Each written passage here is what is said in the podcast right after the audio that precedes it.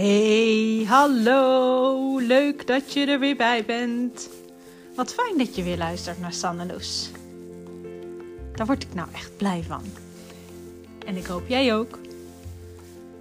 De podcast die gaat over vreugde. De podcast die gaat over je leven, leven zoals jij je wilt voelen. En al lijkt dat ver weg, het is hartstikke dichtbij. Je bent er al. Je bent het al. Alles zit al in jou. Alleen je ziet het nog niet. Of nog niet altijd. En ik neem je mee. En deze aflevering neem ik je mee mijn dagboek in. In de tijden dat ik een burn-out had. 2017. Luister maar.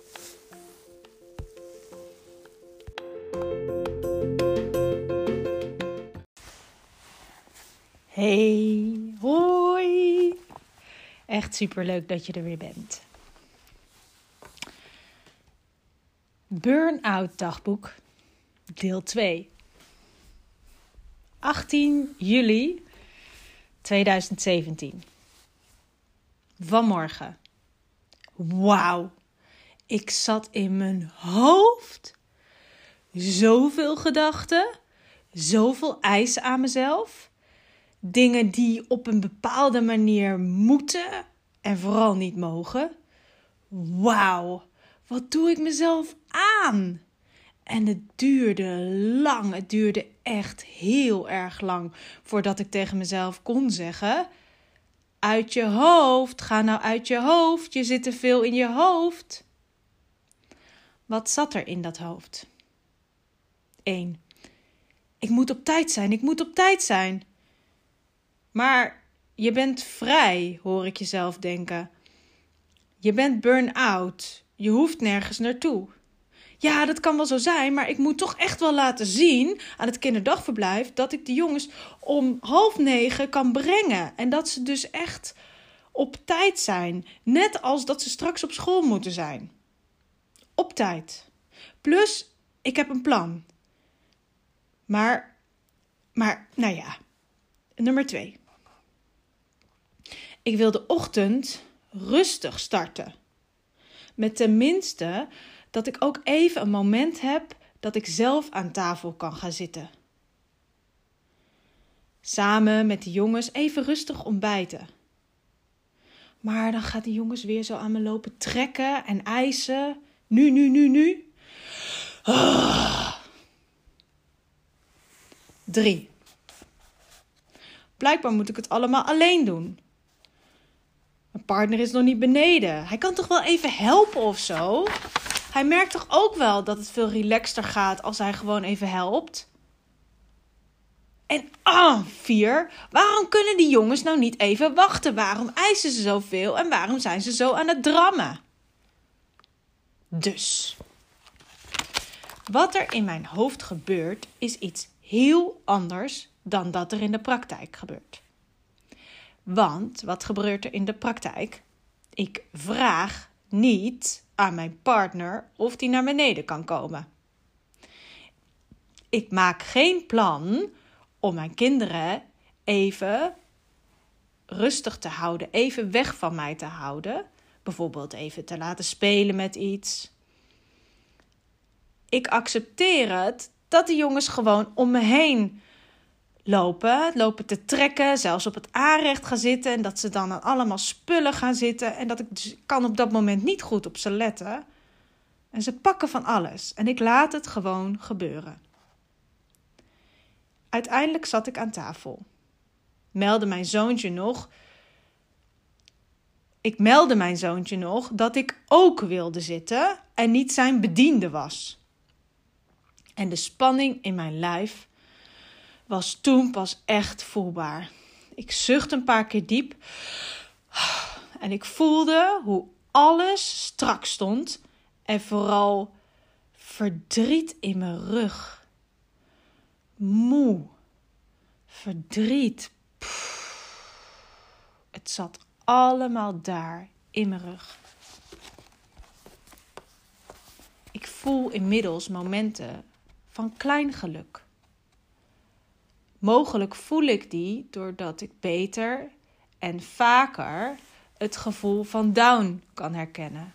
Als ik geen glimlach voel. Gevoel van in de ochtend geen zin hebben, geen zin hebben er leuk uit te zien, geen energie voelen stromen, geen plezier voelen.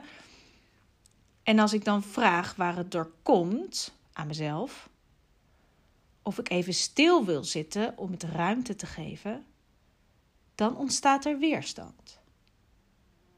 Dan roept iets in mij: nee, nee, nee, nee, nee, nee, nee. En de druk in mijn keel neemt toe en ik wil eigenlijk keihard wegrennen. Die viool, die viool wordt ook steeds meer een kriem. En die stem zegt: Doe het nou gewoon. Je mag mee op een project naar China. Ga nou maar gewoon spelen. Je hebt het al heel lang niet gedaan, maar ga nou maar gewoon spelen. Laat het los. Het moment van de conclusie of je goed genoeg bent, of je het goed genoeg kan spelen, dat is er nog helemaal niet. Daar ben je nog helemaal niet. Speel. Speel gewoon wat je leuk vindt.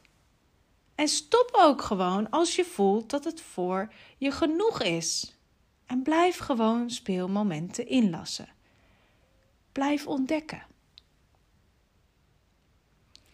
En dan al het andere dat ik zie en waar ik iets mee moet.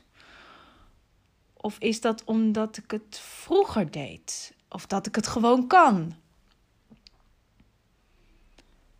Bijvoorbeeld mooie stofjes op de markt. Ga ik kinderkleding naaien? Of komt dat idee in me op omdat ik gewoon een naaimachine heb staan die niks staat te doen? Haken dan. Moet ik dat omdat ik het kan, omdat ik de spullen ervoor heb, of omdat ik het leuk vind en me wil verwonderen? Sieraden maken misschien, vind ik dat leuk? Of vind ik dat alleen maar leuk omdat ik vind dat het bij me moet passen? Want ik ben wel zo'n type die, uh, die daar iets leuks van kan maken. Kaartjes schrijven. Ja, kijk, dat is nou echt van mij. Daar word ik blij van, dat weet ik zeker. Waarom weet ik gewoon heel veel dingen niet? Of ik het echt leuk vind, of dat ik het gewoon leuk zou moeten vinden omdat ik het kan. Of dat ik het leuk zou moeten vinden omdat het bij me zou passen. Zoiets als kano varen, dat leerde ik als kind al. Ja, dat kan ik, maar vind ik het dan ook leuk? En viool spelen ook zoiets. Ja, dat kan ik. Maar ik weet niet of ik het leuk vind. Maar ja, weet je, ik wil heel graag met die groep mee naar China.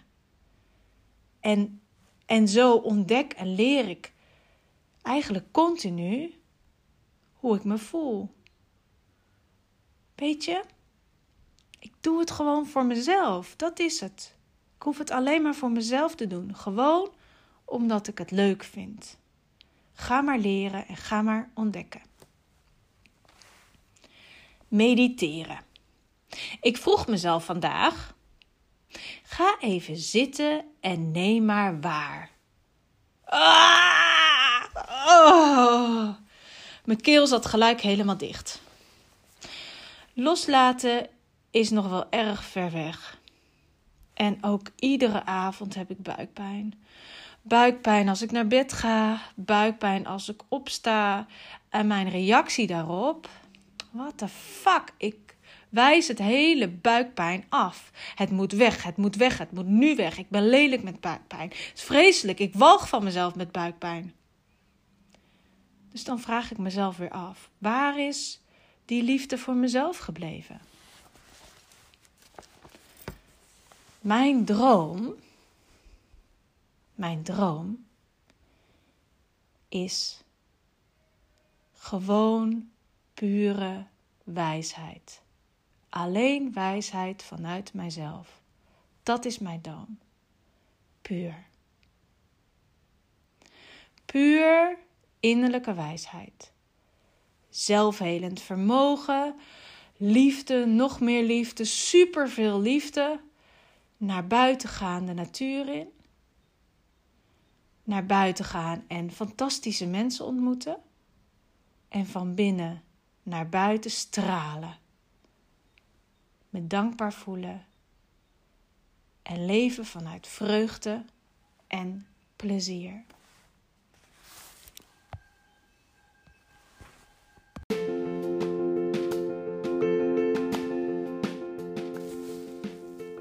Dank je wel, dank je, dank je wel dat je weer luisterde.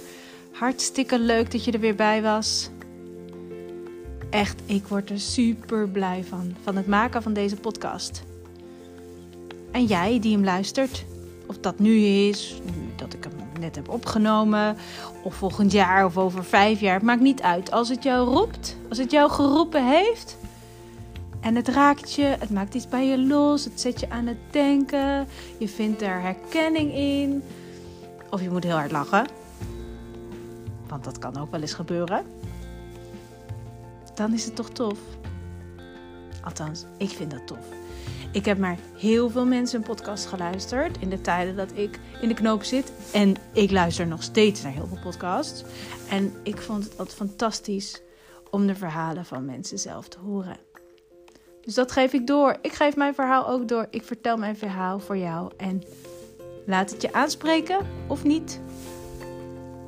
Maar het is van jou. Het is nu voor jou.